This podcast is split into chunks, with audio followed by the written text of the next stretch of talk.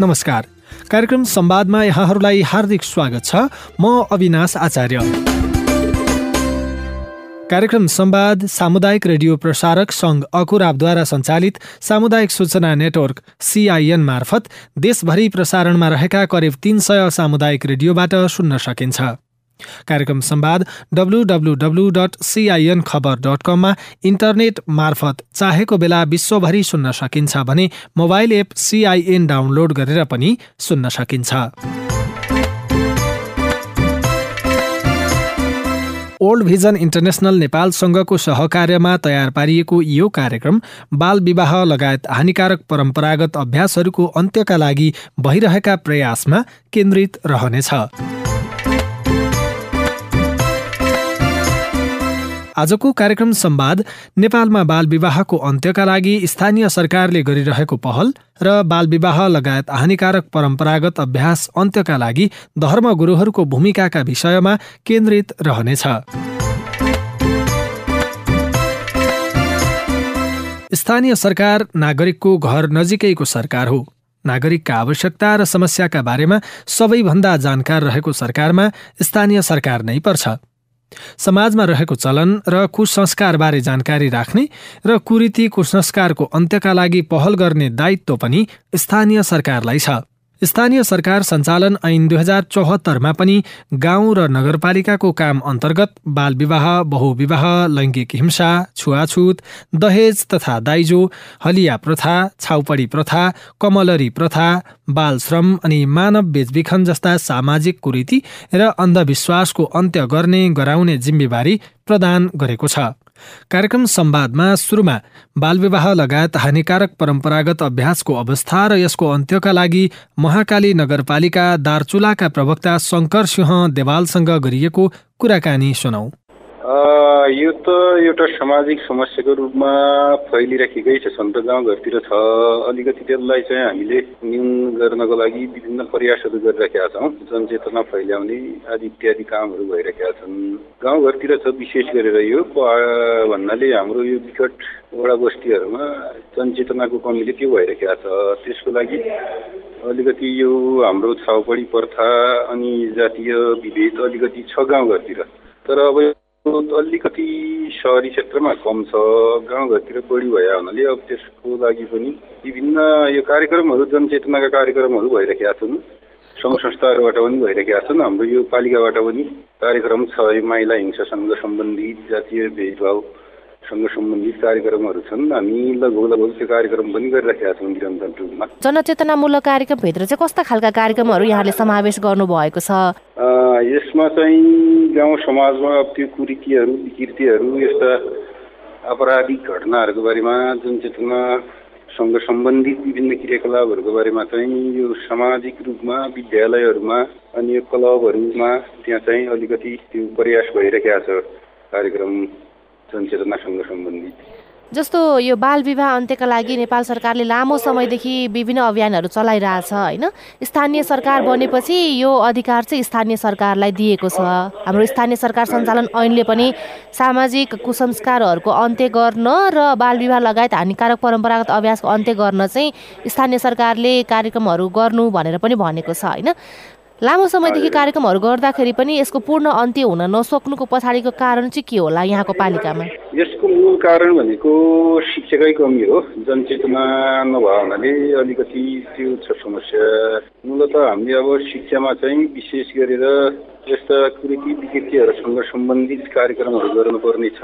त्यो लगभग लगभग हामी विद्यालयहरू मार्फत यो गाउँ क्लबहरू मार्फत त्यो गरिरहेका छौँ। ठाउँ ठाउँमा सूचना टाँस गरेर अथवा तिनीहरूलाई आम भेला गराएर एउटा यो समस्या गोष्ठीहरू राखेर अन्तर्क्रिया कार्यक्रमहरू गरेर त्यस्ता कार्यक्रमहरू सञ्चालन गरिराखेका छौँ हामीले। तर ती कार्यक्रमहरू प्रभावकारी भए कि भएनन् भनेर यहाँहरूले अनुगमन कसरी गर्नुहुन्छ? यसमा चाहिँ केही हदसम्म अहिले चाहिँ अलिकति कम त भइराखेका छ। अब हामीले उमेर नपुगिकनै विवाह गर्ने त्यस्तो त्यस्तो अब कानुनी प्रावधान अनुसार विभिन्न सरकारबाट पाइने सेवा सुविधाहरू जस्तै विवाह दर्ताका कुराहरू यी कुराहरू छन्। यसले गर्दा यसको बारेमा प्रचार प्रसार गरी अब त्यो अलिकति कम भइरहेका छ अहिले हुन त। तर कतै छिटफुट रूपमा यस्ता घटनाहरू घटिरहेकै छन्। त्यो चाहिँ के कारणले भइरहेछ त? छिटपुट रूपमा पनि जस्तो बाल विवाह गर्नु हुँदैन यो चाहिँ कानुनी अपराध पनि हो भनेर त जनचेतना फैलाएको वर्षौँ भइसक्यो नि त। यसमा चाहिँ हाम्रो एउटा त हाम्रो जनचेतनाकै कमी हो खास गरेर अनि त्यस पछाडि चाहिँ एउटा सामाजिक परम्परा जो विगतमा थियो सानै उमेरमा विवाह गर्ने यस्तो परम्परा गुलग गुलग हो औपचारिक रूपमा त तर अब केही नयाँ युवा युवतीहरू जो अलिकति कम पढेका छन् तिनीहरूको चाहिँ अलिकति बढी भइरहेको छ। यो छाउपडी प्रथाको अन्त्यको लागि चाहिँ पालिकाले के गरिरहेको छ? यसको लागि पनि छ कार्यक्रमहरू गरिराखेका छौँ। यो कार्यक्रम पनि अलिकति प्रभावकारी भइरहेको छ। अहिले पछिल्लो चरणमा चाहिँ लगभग लगभग औपचारिक रूपमा छैन। अब घरभित्रै अब छ काहीँ काहीँ तर बाहिर चाहिँ अहिले कमै छ। पहिलाको जस्तो छैन। नेपाल बालविवाह हुने देशहरूमध्ये उच्च जोखिममा रहेको छ। नेपाल सरकारले सन् दुई हजार तीससम्म बालविवाह अन्त्य गर्न राष्ट्रिय रणनीति बनाएर कार्यान्वयनमा समेत ल्याएको छ। यस रणनीतिलाई सफल पार्न स्थानीय सरकारको अहम भूमिका हुन्छ। सोही अनुसार बाल विवाह अन्त्यका लागि अभियान नै पनि सञ्चालनमा रहेका छन् तर यसको पूर्ण अन्त्य भने हुन सकेको छैन। तिलाठी कोइलाडी गाउँपालिका सप्तरीमा पनि बाल विवाहको पूर्ण अन्त्य हुन सकेको छैन। बालविवाह लगायत हानिकारक परम्परागत अभ्यास अन्त्यका लागि पालिकाले कस्तो नीति तथा कार्यक्रम बनाइरहेको छ भनेर हामीले पालिकाका अध्यक्ष अरुण कुमार मण्डलसँग कुराकानी गरेका छौँ। हाम्रो पालिकाभित्रमा बाल विवाहको त्यति धेरै चाहिँ छैन। थोरै चाहिँ अहिले पनि हालसम्म दलित अपहेलित निमुखा विपन्न परिवारमा चाहिँ बाल विवाहको प्रथा अहिले पनि छ। मैले चाहिँ विभिन्न एनजिओ आइएनजिओ सङ्घ संस्था मार्फत त्यसलाई चाहिँ बारम्बार म उठाइरहेको छु र गाउँपालिका स्तरीयबाट पनि एउटा सचेतनामूलक कार्यक्रम गर्दैछु। बाल विवाह गर्नाले चाहिँ यो नेपालको कानुनी अपराध हो र सामाजिक अपराध पनि हो र बाल विवाह गर्ने यो केटा र केटी दुइटैलाई चाहिँ स्वास्थ्यदेखि लिएर सम्पूर्णमा चाहिँ क्षति हुने समस्या हो र सबभन्दा पहिला त यो संवैधानिक अपराधै हो कानुनी अपराध हो। त्यो हिसाबले बाल विवाह नगरौँ र त्यो सडक नाटक गरेर म पालिकाभरिमा त्यो हेराइरहेको छु। त्यसको नियन्त्रणको लागि। हजुर जस्तो बाल विवाह गर्ने प्रदेशमा चाहिँ मध्य प्रदेश अग्र स्थानमै देखिन्छ तथ्याङ्कले पनि देखाउँछ। विशेष गरी मधेसी समुदायमा चाहिँ बालबालिकाहरूको पन्ध्र सोह्र वर्ष नपुग्दै विवाह गर्ने चलन तर त्यसको उजुरी चाहिँ नआउने। अभिलेख पनि नरहने भएको कारणले गर्दाखेरि चाहिँ बाल विवाह न्यूनीकरण भए जस्तो देखिएको तर समाजमा अझ पनि विद्यमान कायम रहेको जस्तो देखिन्छ। यहाँको समुदाय मैले मैले पहिले नै भने अहिलेसम्म चाहिँ पूर्ण रूपले बन्देज चाहिँ लागेको छैन न्यूनीकरण भएको छ। त्यसमा पनि मधेसतिर जुन भन्नुभयो मधेसतिर पनि फरवार्ड कास्टमा त्यस्तो छैन। खास गरेर डुम टमार मुसहर खतवे बाँतर यी मध्यवर्गीय जात जुन छ नि त्यो जातमा चाहिँ बाल विवाह अहिले पनि चाहिँ छ। र त्यसको न्यूनीकरण हामीहरू गर्दैछौँ संरक्षण पनि गर्दैछौँ। त्यसलाई चाहिँ हामी पूर्ण रूपले अहिलेसम्म अन्त गरेका छैन तर न्यूनीकरण गरेका छु।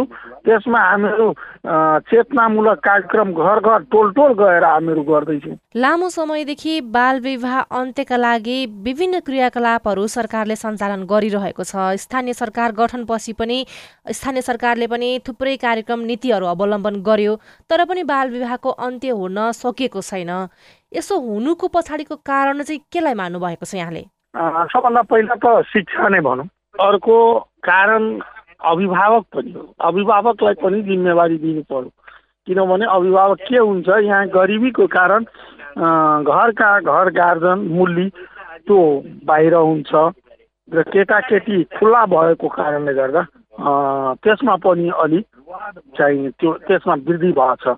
र खास गरेर त्यो प्रेम विवाहको कारणले गर्दा मान्छे इज्जत प्रतिष्ठाको लागि सकभर चाहिँ सोह्रै वर्ष उमेरदेखि विवाह गर्न खोज्छ त्यो मध्यवर्गीय परिवारको मान्छेहरू। हिसाबले चाहिँ नियन्त्रणमा अहिलेसम्म आएको छैन। त्यसको प्रमुख कारण घरको मुली चाहिँ भएको चाहे विदेश नभए चाहिँ काठमाडौँ आफ्नो आय आर्जनको लागि र घरमा अभिभावक नभएको कारण त्यो सानसाना केटाकेटीहरू खुल्ला भएर चाहिँ त्यो प्रेम विवाहमा को लतमा लागेर चाहिँ विभिन्न ठाउँमा त्यस्तो कमी कमजोरी अहिले पनि अहिले नै भर्खरै एउटा पञ्चायत गरेर आउँदैछु। ती पञ्चायत हो? त्यसमा पनि चौध वर्षको केटी हो र सोह्र वर्षको केटा हो त्यो भागिसकेको छ अब त्यो त भाग्यो। अभिभावकलाई त थाहा छैन। अब कुन कसरी भाग्छ अनि अनि चाहिँ नेपालको कानुन पनि त्यस्तै छ। त्यो अभिभावक चाहिँ आमा बुवालाई नै चाहिँ निवेदन दिने हो र आमा आमा बुवाले ल्याएर थुन्ने हो। नेपालको कानुन पनि त्यस्तै छ। गर्ने केटाकेटी पर्ने आमा बुवामाथि त्यही कारणले गर्दा घरको अभिभावकहरू त्यो सोह्र वर्ष भए पनि त्यसलाई छिटै विवाह कमसेकम प्रतिष्ठा बचोस् त्यो हिसाबले बिहे गरिदिन्छ। तर चाहिँ जति शिक्षित परिवार छ एउटा लाउने खाने परिवार जस्तो घर छ भनेदेखि त्यहाँ फेरि चाहिँ कम उमेरमा विवाह हुँदैन। बाल विवाह हुनुको मुख्य कारण भनेको आर्थिक अभाव नै हो भन्ने कुरा पनि आर्थिक अभाव र शिक्षा दुइटै कारणले गर्दा हजुर। यसको लागि चाहिँ जस्तो शिक्षामा लगानी बढाउनु पर्ने र आय स्रोत बढ्ने खालका कार्यक्रमहरू चाहिँ स्थानीय सरकारले ल्याउनु पर्ने जस्तो पनि देखिन्छ। यहाँले चाहिँ पालिका मार्फत के गर्दै हुनुहुन्छ? र आयमूलक कार्यक्रम गरेर चाहिँ दलित विपन्न परिवारहरूलाई यदि आयमूलक काम गरियो भनेदेखि त्यसको घर मूल्यहरू बाहिर पनि जान मिलेन र त्यसलाई नियन्त्रणमा त्यो केटाकेटीलाई नियन्त्रणमा राखेर सही शिक्षा दीक्षा दिन चाहिँ चाहिँ लाभान्वित हुन्छ अनि चाहिँ त्यो समस्या आउँदैन पनि अ, अन्य हानिकारक परम्परागत अभ्यासहरू जस्तो दहेज प्रथा तराईमा अझै पनि छ होइन बहुविवाहका कुराहरू अनुमेल विवाहका कुराहरू। बोक्सी प्रथाका। कुराहरू यसको निराकरणको लागि अन्त्यको लागि चाहिँ के गर्दै हुनुहुन्छ? दहेज प्रथा अन्त सायद अहिले त्यो पनि मैले सोचेको छु। मैले पनि दहेज लिन भनेर सोचेको छु। हेरौँ के हुन्छ म अहिले त भन्न सकिँदैन। तर चाहिँ त्यो दहेज प्रथा एउटा खास गरेर यहाँको अभिशापै हो। र कति गरिब मान्छेले यो दहेज प्रथाको कारणले गर्दा आफ्नो छोरीको बिहे गर्न पनि भ्याइ नभ्याइ हुन्छ कि? अब यो त कुप्रथा हो कुरीति हो। यसको अन्त्यको लागि चाहिँ पालिकाले कस्तो खालको रणनीति लिइरहेको छ त? अब रणनीतिको जहाँसम्म कुरो छ रणनीति त हामी गर्ने के? हामीलाई त एउटा प्रचार प्रसार र एउटा घरमा गएर एउटा चेतनामूलक कार्यक्रम देखाएर त्यही मात्रै गर्ने हो र अहिलेसम्म गरेका छु। तपाईँ अहिले साप्ताहिक रेडियो कार्यक्रम संवाद सुनिरहनु भएको छ।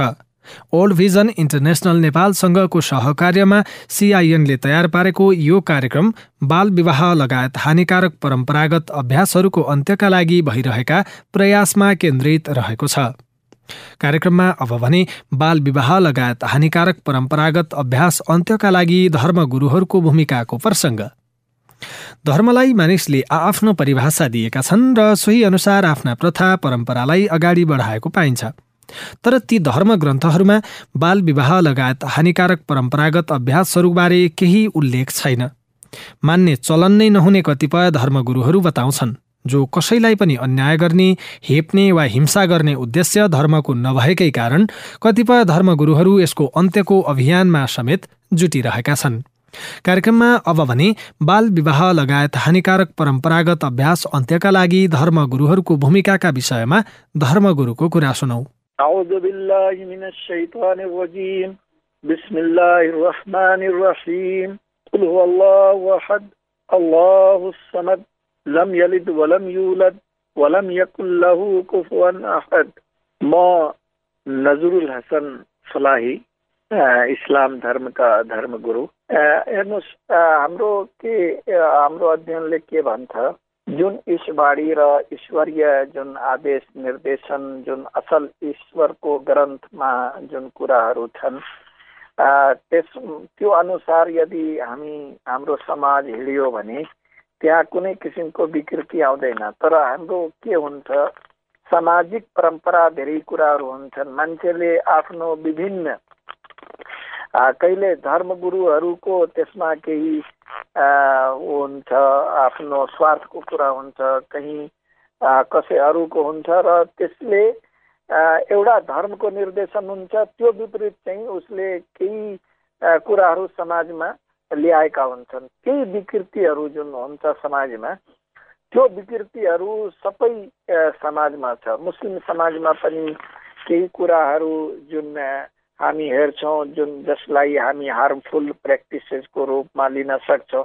त्यो विकृतिहरूलाई हामीले एक भएर यदि त्यसलाई निर्मूल पार्न त्यसलाई न्यूनीकरण गर्न र लास्टमा निर्मूल पार्नतिर यदि हामीले कोसिस गर्यौँ भने यदि त के भन्ने हामी त कोसिस गरि नै राखेका छौँ तर यसमा सबैको साथ भयो र अझै हामी अगाडि बढेर यसलाई सशक्त रूपमा काम अगाडि बढाउँदै गयो भने अवश्य नै समाजबाट चाहिँ जुन विकृतिहरू छन् जुन हार्मफुल प्र्याक्टिसेसहरू छन् त्यो चाहिँ निर्मूल हुन सक्छ। हानिकारक परम्परागत अभ्यास अन्त्यका लागि धार्मिक अगुवाहरूको भूमिका महत्त्वपूर्ण हुन्छ भनेर चर्चा चलिरहेका बेला यहाँले कस्तो खालको भूमिका छ भन्ने मान्नुहुन्छ? हेर्नुहोस् त्यसमा हामी के भन्छौँ कि धार्मिक अगुवा र धार्मिक गुरुहरूको धेरै राम्रो चाहिँ यसमा भूमिका हुन सक्छ धेरै इफेक्टिभ भूमिका हुन सक्छ। तर यहाँ धेरै कुराहरू समाजमा चाहिँ स्टेक होल्डर्सहरू धेरै छन्। फर इक्जाम्पल जुन रूढिवादी त्यहाँ समाजमा बसेका धर्मगुरुका अलावा मान्छेहरू छन् जसले त्यो आफ्नो जुन अन्धविश्वासलाई नै या त्यसलाई नै धर्म बुझेका छन् त्यसलाई कहिलेकाहीँ धर्मगुरुको कुरा पनि मान्दैन। अर्को कुरा यो जुन अहिले हाम्रो इन्फ्लुएन्स बढी राजनीतिक मान्छेहरूको हुन्छ। र राजनीतिक मान्छेहरू आफ्नो क्षणिक स्वार्थ र भोटको राजनीतिक या त्यस्तोको लागि चाहिँ उसले यस्ता हार्मफुल क्रियाकलापहरूमा जति भूमिका राम्रो खेल्न सक्ने हो त्यसमा उहाँ सघाउँदैन। किन उनको अर्कै स्वार्थ हुन्छ। हामी त कुनै ठाउँमा हेर्छौँ कि उनीहरूले बढावा दिनमा पनि भूमिका खेलिरहेको हुन्छ।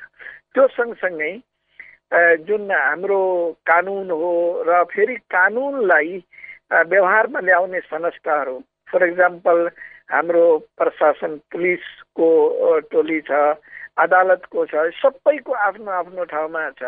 मात्रै धर्म गुरुले गरेर सबै थोक हुन सक्दैन।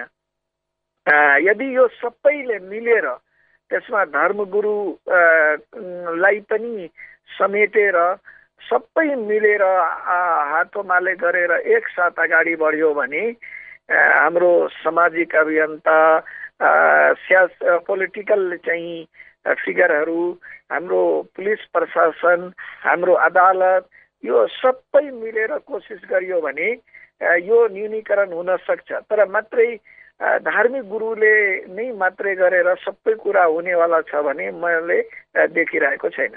हजुर यहाँ आफै पनि धर्म गुरु हुनुहुन्छ धार्मिक अगुवा हुनुहुन्छ। यहाँले चाहिँ समाजमा भएका यस्ता हानिकारक परम्परागत अभ्यास अन्त्यका लागि कस्तो खालको भूमिका खेलिरहनु भएको छ त? यो कुरा त भनिन्छ नि धार्मिक अगुवाहरूको कुरा मान्छ होइन? तर हजुरले नै प्र्याक्टिकली हेर्दा कतिको मान्दो रहेछ? हजुरले नै हेर्नुहोस्। जस्तो हामी चाहिँ दाइजो प्रथा विरुद्धमा हामी सशक्त चाहिँ ऊ गरिराखेका छौँ। तर हामी देखिराखेका छौँ कि त्यही मान्छे नमाजमा हाम्रो पछाडि नमाज पढ्छ। हामीले त्यहाँ भनेको कुरामा एकदम टाउको हल्लाएर त्यसमा पोजिटिभ आफ्नो समर्थन पनि जनाउँछ तर त्यही मान्छे फेरि उता गएर चाहिँ त्यही दाइजो प्रथामा लिप्त देखिएको हुन्छ। भन्ने के हो?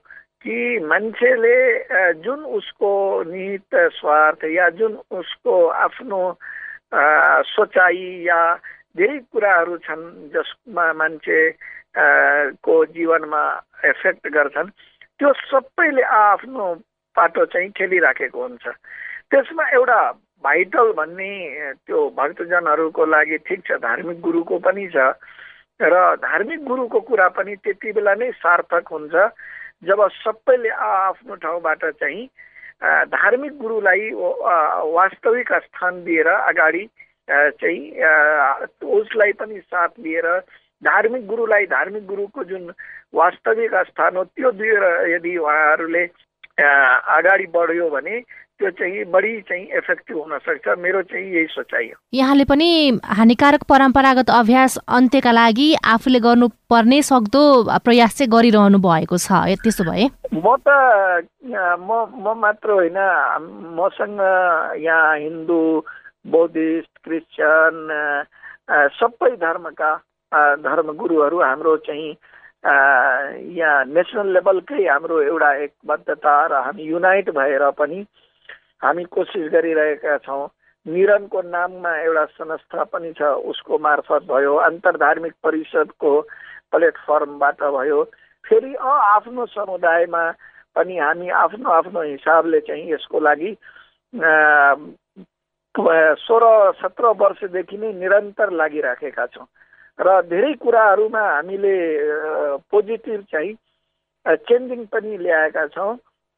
र यो हाम्रो अभियान चाहिँ चलिरहेको छ र यसमा सबैभन्दा चाहिँ सबै धर्मका हाम्रा जुन अगुवाहरू हुन् उहाँलाई म धन्यवाद दिन चाहन्छु कि यहाँ हामी चाहिँ हिन्दू मुस्लिम क्रिस्चियन बौद्ध सबै मिलेर एकसाथ अगाडि बढ्ने एउटा राम्रो एउटा एक्जाम्पल चाहिँ हामी नेपाली धर्मगुरुहरूले चाहिँ कायम गरेका छौँ र त्यसमा सबै धर्मगुरुको बराबरको भूमिका छ।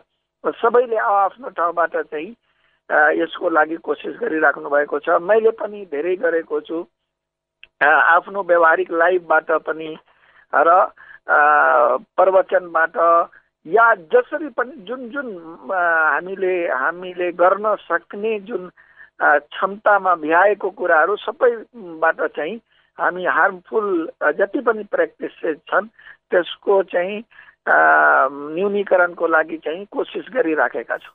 हजुर समाजमा भएका यस्ता हानिकारक परम्परागत अभ्यास अन्त्यका लागि धार्मिक गुरुहरूको कस्तो भूमिका रहन्छ रहनु पर्छ धर्म गुरुले धार्मिक जुन जति पनि उहाँको जुन स्तरबाट गर्ने काम प्रवचन हो उहाँहरूले दिशानिर्देशन हो यो सबै काम चाहिँ धर्मगुरुले आफ्नो ठाउँबाट त्यसरी नै जब जस्तै बाल विवाह छ भने धर्मगुरुले नै विवाहको प्रक्रिया गर्नुहुन्छ भने त्यति बेला उहाँहरूलाई सम्झाइ बुझाइ बाल विवाहबाट रोक्ने र बाल विवाहमा आफू चाहिँ सरिक नहुने यस्ता कुराहरू जुन जहाँबाट जे गर्न सक्छ त्यो धर्मगुरुले सुरु पनि गरेको छ। अझै सशक्त रूपमा अगाडि बढेर अझै चाहिँ यसलाई अरू इफेक्टिभ बनाउन चाहिँ आवश्यकता छ। त्यो सँगसँगै जुन मैले पहिले पनि हजुरलाई भने जुन हाम्रो कानुन छ नि कानुनलाई पनि चाहिँ फङ्सनिङ व्यवहारमा लागू गर्ने खालको आउनु पर्यो। हाम्रो कानुन छ तर त्यसको चाहिँ यो त्यहाँ लागू गर्नेवाला हाम्रा पुलिस प्रशासनको धेरै ठाउँमा हामी के हेरिराखेका हुन्छौँ कि महिलामाथि दुर्व्यवहार हुन्छ या उस्तो हुन्छ। तर पुलिसले चाहिँ त्यहाँ केस लिँदैन कारवाही गर्दैन। अनि त्यही पुरानो मानसिकतामा लिप्त चाहिँ त्यो प्रशासन छ। उनीहरूको पनि स्कुलिङ पनि जरुरी छ। र कानुनलाई पनि त्यसरी नै अदालतमा गएको मुद्दा अदालतले पनि त्यसमा साथ दिनुपर्छ। सँगसँगै पोलिटिकल फिगरहरूको धेरै चाहिँ इम्पोर्टेन्ट हुन्छ समाजमा। उहाँहरूले र जति पनि सामाजिक अभियन्ताहरू हुनुहुन्छ उहाँहरूको पनि एउटा इन्फ्लुएन्स हुन्छ। यसरी सबैले आफ्नो ठाउँबाट यदि कोसिस गरियो र आफ्नो ठाउँबाट पनि फेरि मिलेर पनि युनाइटेड पनि गरियो भने बढी चाहिँ प्रभावशाली हुन सक्छ। यो कुराकानीसँगै कार्यक्रम संवादको निर्धारित समय सकिने लागेको छ। आजको विषयवस्तु तपाईँलाई कस्तो लाग्यो? बालविवाह लगायत हानिकारक परम्परागत अभ्यासहरूको अन्त्यका लागि तपाईँको केही अनुभव पो छन् कि? हाम्रो टेलिफोन नम्बर शून्य एक बाहन्न साठी छ चार छमा फोन गरेर दिइएको निर्देशन अनुसार तपाईँ आफ्नो अनुभव तथा सल्लाह सुझाव जिज्ञासा अनि प्रतिक्रिया रेकर्ड गराउन सक्नुहुन्छ। साथै तपाईँले हामीलाई हाम्रो Facebook page community information network सिआइएनमा गएर पनि आफ्ना कुरा लेख्न सक्नुहुनेछ। हामी तपाईँको प्रतिक्रिया पर्खिरहनेछौँ। ओल्ड भिजन इन्टरनेसनल नेपालसँगको सहकार्यमा सिआइएनले तयार पारेको कार्यक्रम संवादबाट प्राविधिक साथी सुरेन्द्र सिंहसँगै म अविनाश आचार्य पनि विदा हुन्छु। नमस्कार।